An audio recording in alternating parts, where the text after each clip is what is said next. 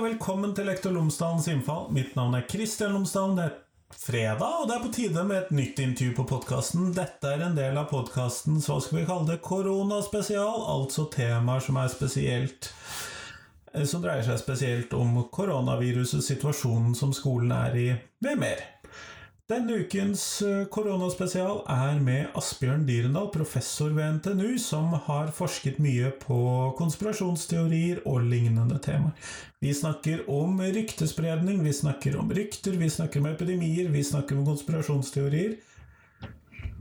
Og det kan være særlig relevant for den situasjonen vi er i nå. Jeg tenker både som f.eks. samfunnsfagslærere og som lærere generelt, i en tid med mye usikkerhet, så er det viktig at vi i hvert fall har en viss peiling på disse temaene. Så her kommer intervjuet. Vær så god.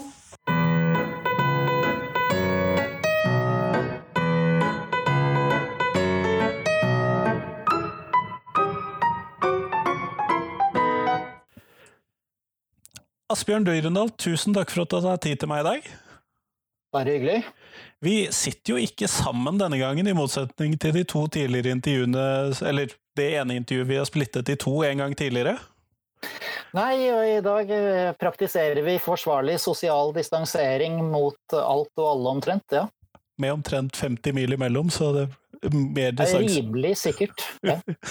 Eh, Du har forsket deg mye på konspirasjonsteorier du, og religion og flere typer temaer. Og eh, når vi nå ser på korona, situasjonen med koronaviruset ute i verden nå, og den Mhm. mediesituasjonen vi ser, og hvordan de rykter og konspirasjonsteorier vi nå ser, hva kan vi lære av fortiden her? Altså, vi kan lære av fortida det vi har systematisert i, uh, i samfunnskunnskapene, først og fremst. Vi har selvfølgelig også historiske sånn enkeltepisoder hvor vi kan se på dynamikkene, hvordan de utfolder seg i den konkrete historiske situasjonen i praksis. Men først og fremst så har vi altså denne systematiske forskninga på hva det er som skjer når folk blir satt i en situasjon der man føler seg utrygg, og man har et stort behov for å finne ut av eh, hvordan er ting egentlig. Men hvor det er begrensa hvor enige folk er om hvordan ting egentlig er. Ja, Eh, Og det kan vi jo tenke oss at uh, man finner nå. En utrygghet, og at folk både er uenige om hva som er informasjonen, og kanskje at informasjonen ikke er nok informasjon. Ja. Eh, Det er jo altfor mye informasjon på, på mange måter. Det er vel kanskje det største problemet. Problemet eh, med den informasjonen er at den ikke svarer på de behovene folk har, som først og fremst handler om å føle seg trygge og føle at ting er under kontroll, og at ting vil bli som normalt igjen. Det er ingen sånne nyheter. Men derfor også får vi sånn kompensasjonsnyheter som lages av folk som spiller opp til den typen eh, ønsker og drømmer folk har om at dette er ikke farlig, dette er eh, noe du kan beskytte deg mot ved hjelp av enkle triks eh, og, en, og ved å kjøpe mine varer. Pussig nok, eh, jeg har på lager de tingene du trenger for å beskytte deg mot eh, koronavirussmitte eller andre ting. Så du har flere forskjellige sånne, sånne elementer som kommer opp, og så har du den andre biten da, som er litt styggere, eh, og som handler om eh, Ok, vi kan kanskje ikke beskytte oss direkte mot koronaviruset, men, men hvem, eh, noen må ha skylda. Noen må ha skylda. Altså Mennesker er skrudd sammen sånn at vi er Hvis vi har muligheten, så vil vi gjerne legge skylda på eh, for ting som skjer, eh, på noen som vil ting. Ikke sant? Vi har en sånn intensjonalitetsbias. Eh, Vi foretrekker forklaringer som er knytta opp mot at ting skjer som resultat av noens vilje. Eh, Og da får du jakta på syndebukkene. Eh, og i den gode, gamle bibelske forstanden, og ikke fotballforstanden. Altså, syndebukken som i noen du kan legge skylda på, uansett hva de måtte ha med saken å gjøre. Og det er jo den biten som ofte interesserer meg mest i dette landskapet, fordi det er her vi får konspirasjonsteorien. ikke sant? Det er her vi får Pentagon laget virus, kinesiske myndigheter laget virus, eh, israelske myndigheter laget viruset, av en eller annen absurd årsak så laget kanadiske myndigheter viruset, eh, osv. osv. Du har ulike eh, varianter av disse tingene. Og det er egentlig Altså, det som er viktig å ha med seg, det er at det er helt normalt at folk lager den typen fortellinger, og at de lager ikke minst spekulasjonene. Fordi det svirrer, det vil alltid svirre den typen rykter. Folk vil alltid søke mot informasjon i sånne sammenhenger, fordi de eh, forsøker å, å finne ut av sammen hvordan, eh, hvordan, verden henger sammen, eh, og på en måte som gjør at de er del av et fellesskap. så rykter i den sammenhengen, hvis vi nå ser litt bort fra akkurat det vanligste sånn snakket om det, det er en slags form for improvisert nyhetskonstruksjon. Eh, utsagn om tema som oppleves som viktige og handlingsrelevante eh, for dem der hvor eh, fortellingene sirkulerer. Og de oppstår da i situasjoner som er uklare, ofte der hvor vi ser konturene av fare, og hvor offisiell informasjon ikke blir akseptert eller er direkte fraværende. Så at vi lager oss den typen sånn kollektivt informasjonssøkeprosesser hvor vi setter i gang ting. Problemet når vi kommer utafor ting som vi har noe som helst peiling på, som f.eks. koronavirus og epidemier, eh, ja, der er vi ganske dårlige. ja, altså det er veldig få av oss som kan dette her ordentlig. ikke sant? Eh, veldig, veldig veldig få, inkludert nokså mange av dem som tror de kan en del fordi de tross alt har en del medisinsk eh, kunnskap og, og, litt sånne ting. Så eh, da kommer vi i en litt spesiell situasjon, at vi søker i kollektivet etter informasjon, men det fins ingen utenom noen veldig spesielle typer spesialistkilder som kan hjelpe oss med å få informasjon. Sånn at selve den måten vi er vant til å lage oss kollektive fortellinger om mening, årsaker, sammenhenger, hvordan, hvordan verden egentlig er og henger sammen, de funker ikke eh, når vi kommer utafor eh, ting som noen av oss i fellesskapet vårt har peiling på, så vi er nødt til å lytte til noen som faktisk kan dette. Eh, og så er det eh, Der er man jo heller ikke enig om alt.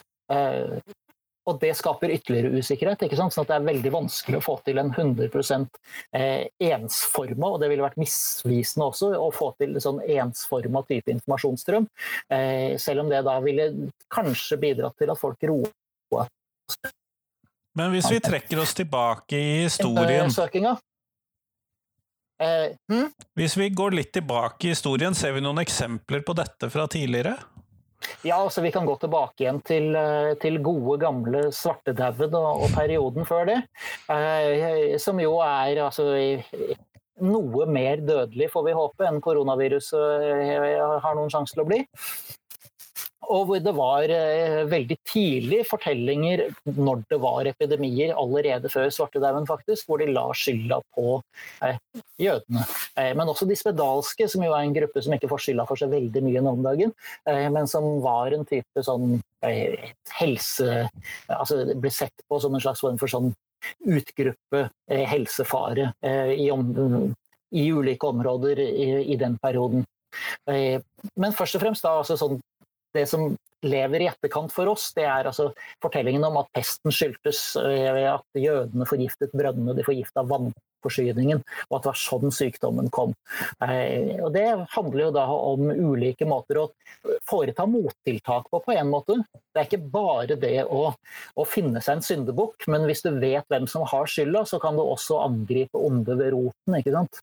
Eh, og så kan du gjøre, og det er jo da det ubehagelig ved en del av disse konspirasjonsteoriene, det er at eh, det finnes en løsning på eh, et problem hvis den skyldes onde mennesker som vil onde ting. Eh, da kan du, da kan du fjerne de onde menneskene. Og da blir du kvitt problemet? Da, ja, da kan du bli kvitt problemet. Det som da dessverre skjer hvis du først har utrensket dem du trodde var årsaken, så er det alltid noen bakom dem igjen etterpå.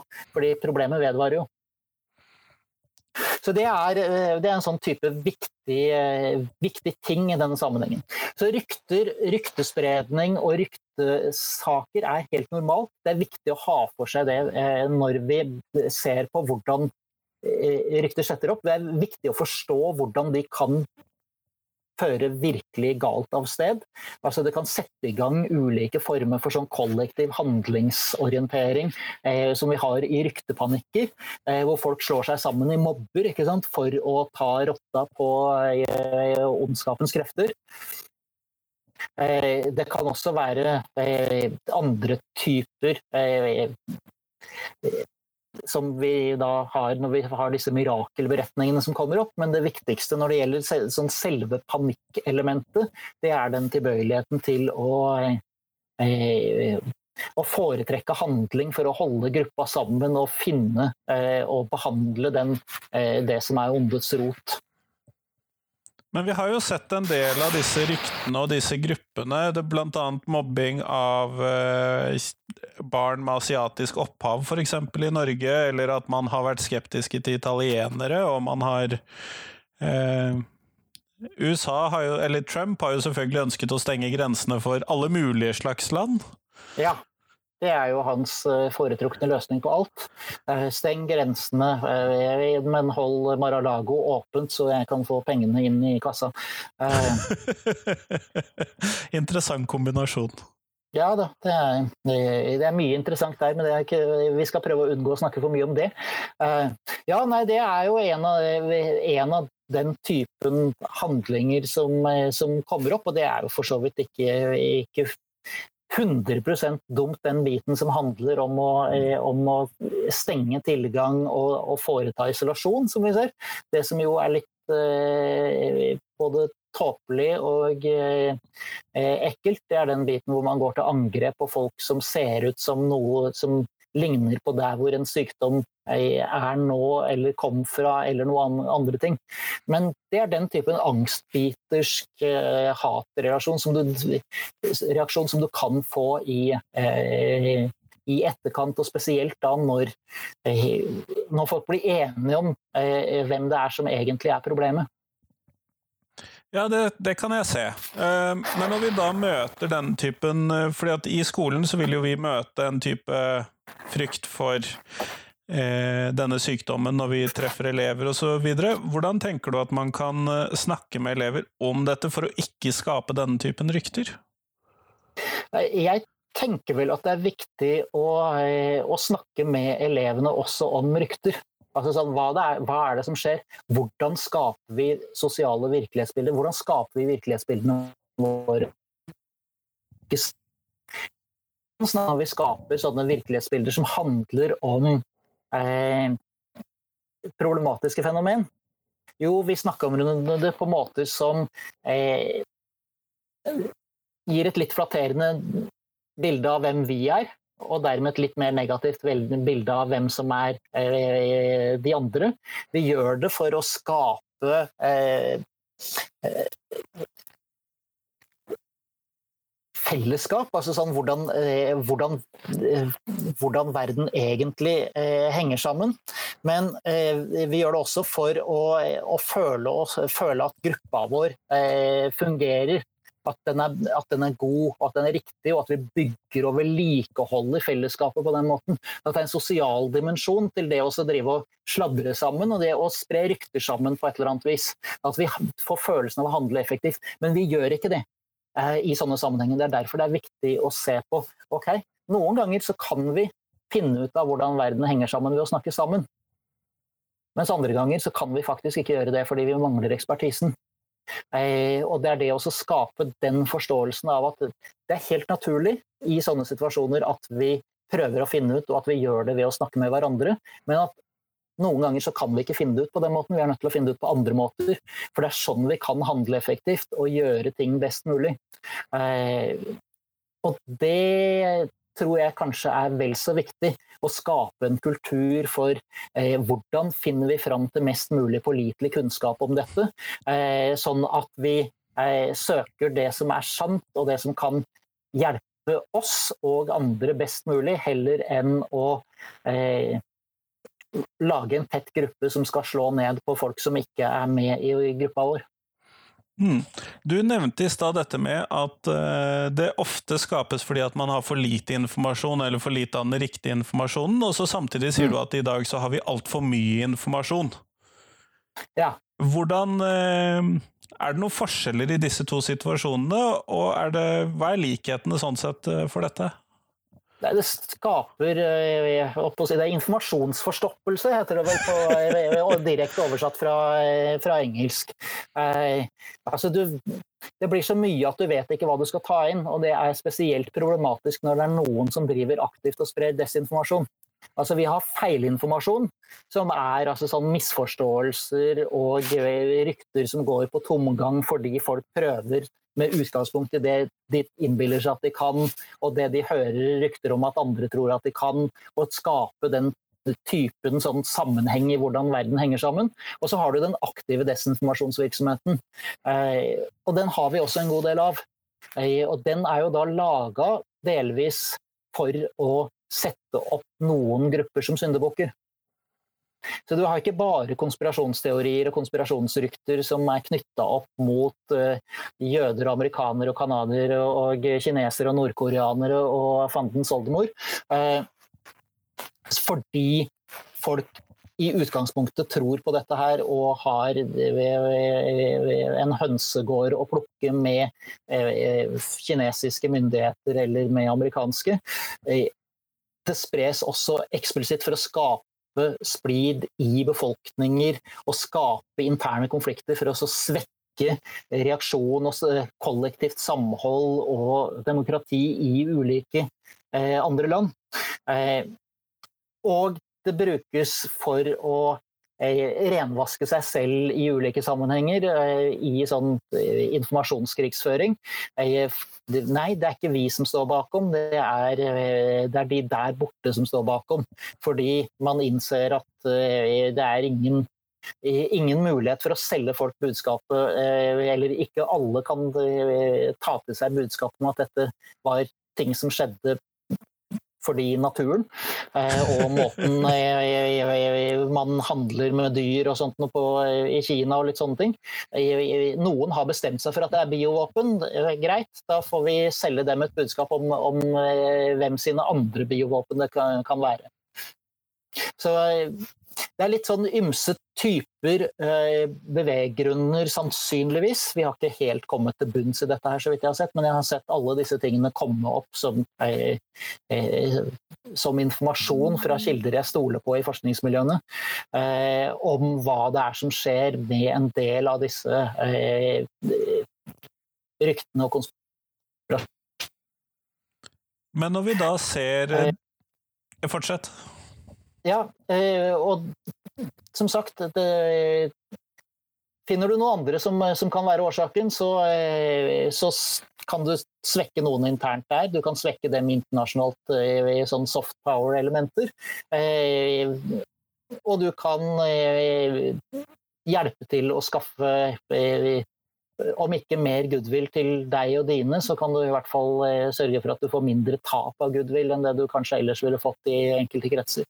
Det er massevis av ulike beveggrunner. Det som er problemet for oss, da, som er i, i, i mottakersonen for alt mulig rart som kommer, det er at det er eh, 24 timer i døgnet eh, informasjonsstrøm med ulike eh, både eksperter og folk som eh, blir intervjuet fordi de ikke får tak i noen eksperter, og journalister som prøver å, eh, og journalister og andre som prøver å, eh, å, fortelle hva de tror det var ekspertene sa og mente, og hvordan dette kan gå fremover. altså Som folk leker profeter med tvilsomt utgangspunkt. Og det blir for mye. Sånn at sammen med alt all den genuine informasjonen, all feilinformasjonen eh, og all desinformasjonen kommer sammen i en sånn gedigen flom som blir veldig vanskelig å ta inn over seg. Man er nødt til å kutte det ned til litt sånn bite-sized bits. Hva er den pålitelige minimumsdefinisjonen, eh, informasjonen jeg trenger for å forholde meg til virkeligheten her og nå, er vel kanskje en av de eh, litt enklere måtene å forholde seg til dette her på. Kan det være en stor del av problemet at vi nå har veldig mye hva skal vi kalle det, hjemmetid, veldig mange av oss? Ja, det tror jeg nok også er det. Og vi har grunn til å, å være litt bekymra. Eh, og eh, vi får stadig påfyll på bekymringene eh, på ulike måter gjennom sosiale medier og andre hvor engstelige mennesker sprer informasjon som som de er spesielt interessert i, og som handler om, om det de er engstelige for. Jeg vil ikke bruke ordet angst, men altså det er sikkert noen av dem som har angst også. Og så kommer dette her inn, og det som har potensial for å skje når det skrur seg til. altså sånn Når vi får disse vekstkurvene som blir litt brattere, når det blir veldig mye informasjon også om utvikling. altså Man kan ikke holde ting hemmelig, men når det blir ting som gjør oss ekstra urolige, så skrur ryktespredningen seg ofte historisk sett også opp. Eh, og så eh, kan man da få til en sånn omdreining hvor du skaper Eh, det vi kaller for ryktepanikker, altså sånn type krav om eh, ulike former for kollektiv handling. Jeg kan jo tenke meg at uh, mange av disse måtene man har sett på Enten land velger å stenge helt ned, eller man velger å stenge ned skoler, eller man ikke stenger ned noe som helst. At alle disse forskjellige angrepsmåtene kan bidra til denne ryktespredningen som du da mm. peker på? Ja, det er vel mitt inntrykk også når jeg ser på hvilke rykter det er som går, og hva slags type reaksjoner som kommer fra alle mulige hold. Altså, vi er ikke eksperter, eh, noen av oss. Eh, de fleste av oss. Eh, og det virker ikke som om det er noen 100% enighet blant dem som holder på å utforme praktisk politikk om hva som er den beste løsningen. Det finnes altså ikke noe sånn 100% fasit, selv om vi kanskje hver og en av oss har ulike strategier vi intuitivt liker bedre enn andre. Eh, da er det i hvert fall sånn at min Twitter-feed er full av eh, raseri mot eh, folk som foretrekker en av de andre løsningene.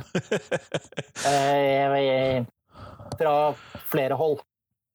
I tillegg til at den har alle disse fantastiske fortellingene, som er litt mer av den typen ting som jeg egentlig er interessert i. Men det, peker jo da igjen på hvordan vi behandler eh, informasjonsstrømmer. Eh, at vi gjør det med utgangspunkt i hvem vi er og hva vi tror og mener fra før. Og eh, at mottakersiden, noen av disse folka som eh, jeg er så kjedelig sånn som forsker, jeg følger jo helst forskere. Eh, noen av disse forskerne som, eh, som er sinte fordi de er uenige med hva den britiske regjeringen og den svenske regjeringen har gjort, eller hva den norske og den danske regjeringen har gjort, osv. Eh, de Så noe særlig. Eh, og eh, følgerne er nok kanskje da et hakk eller to hissigere i sine reaksjoner på, på, disse reaksjonene igjen, fordi det forsterker angsten eller irritasjonen eller behovet for å, å, å finne en løsning som de håper er riktig.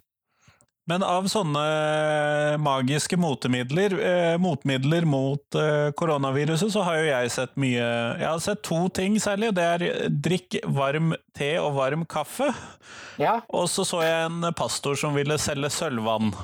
Ja. Det er vel de og, to tingene jeg har sett. Ja, Alex Jones har jo også drevet og solgt eh, sølvvann, eh, skjønner jeg. Og så har du blekemiddel, eh, type klorin og sånt noe. Den mirakelkur i den sammenhengen. Hvitløk har vært framme på ulike måter. Det er jo litt sånn enkle saker. Og så har du den kjente Kjøp noen ekstra forbønner hos meg-varianten, eh, som også går inn noen steder. Fjernhealingsversjoner. Jeg fikk faktisk absurd nok en oppringning eh, fra en fyr som, eh, som eh, hadde støtt på mitt navn i forbindelse med et eller annet som hadde med sånt å gjøre, og, og hadde noen spørsmål. Eh, den samtalen ble veldig kort. det kan jeg tenke meg. Eh, men i hvert fall, det er de, eh, alle de vanlige sånne altså Kiropraktikk har jeg sett anbefalt mot, eh, mot, koronavirus. Jeg har sett homopati, selvfølgelig. Såpass at en av disse homopatforeningene måtte gå ut og, og si nei. Og det, gjorde det faktisk, til deres sjeldne ære. Så du har noen Du har alle de vanlige egentlig reaksjonene på Eh, på dette her som, som en sånn type eh, hvordan kan vi få til eh, dette, hvordan kan vi beskytte oss på, på ulike måter. Og det går på alt fra klesdrakt i butikken eller klesdrakt når du er ute og går, til, eh, som du sier, altså sånn de, de, helt enkle versjonene og de veldig dyre versjonene av ting du kan gjøre med mat, drikke og, eh, og eh, ulike andre remedier. Ja, og Det var nettopp det jeg skulle til å spørre deg om. for Hvordan dette skiller seg fra tidligere tider, eller andre sånne konspirasjonsteorier, eller andre sånne ryktespredninger, eller andre sykdommer som har spredd seg. og Det eh, høres jo ut som du skisserer vet, hva skal vi kalle det, et velkjent bilde, da.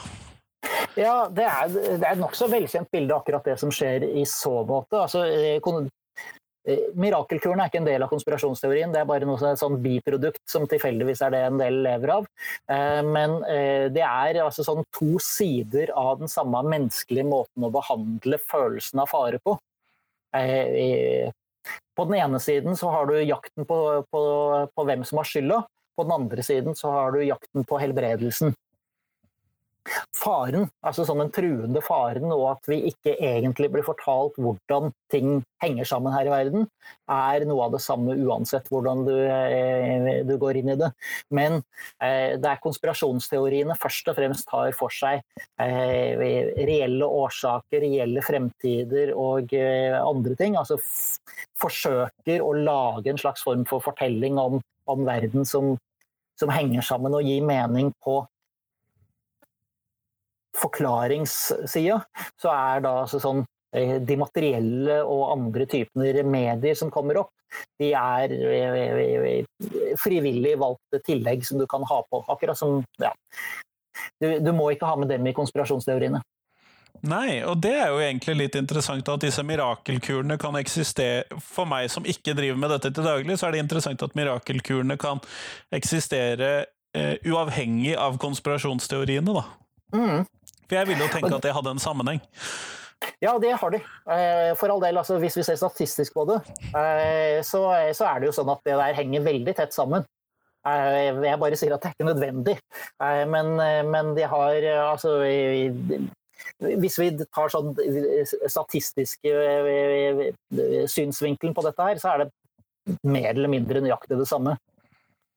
Nettopp. Eh, det er bare det at eh, når vi kommer til praksis, så driver man og selger sølvvann og blekemiddel og eh, eh, mirakelbehandlinger av ymse sorter og foranstaltninger mot alt som er og alt som Man er ikke avhengig av en epidemi å beskytte seg mot. Nettopp, nettopp. Og det er jo viktig å tenke på. Men kjempeflott. Tusen takk for at du tok deg tid til meg i dag. Bare hyggelig.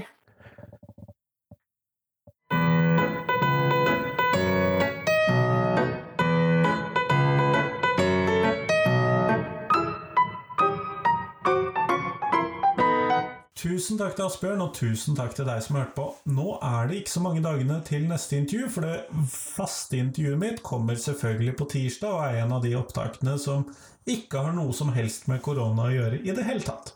Men det kommer på tirsdag. Eh, da blir det Bente Onstad som snakker om eh, når vi kan sende bekymringsmeldinger, når kan vi ikke sende bekymringsmeldinger. Det er særlig interessant som lærere, for nettopp fordi at vi har en plikt til å sende bekymringsmeldinger noen ganger. Det er viktig å huske på. Men i hvert fall, fram til tirsdag så håper jeg du har en god helg. Hei, hei!